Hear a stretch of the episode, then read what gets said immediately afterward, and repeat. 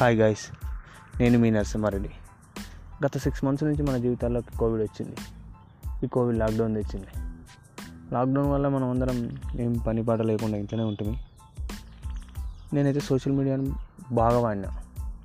Social మీడియాలో కొందరు ఏం చేశారంటే పాడ్కాస్టులు చేసి అప్లోడ్ చేశారు నేను విన్నా నాకు మంచిగా అనిపించింది. అరే మనం కూడా ఒకసారి ట్రై చేద్దాం అనిపించింది. ఒకవేళ వర్కౌట్ అయిందనుకో కంటిన్యూ చేద్దాం. లేదనుకో కేల్కతం దుకాణం బంద్ అనుకున్నాం. ఈ పాడ్కాస్టుల ద్వారా ఏమైనా సబ్జెక్టు టాపిక్ కవర్ చేద్దాం. జనరల్ నాలెడ్జ్ షేర్ చేద్దాం. నా ఎక్స్పీరియన్సెస్ మీకు లేనివి ఏమన్నా షేర్ చేద్దామని అనుకున్నాను అందుకే షురూ చేసిన బై. అంతే.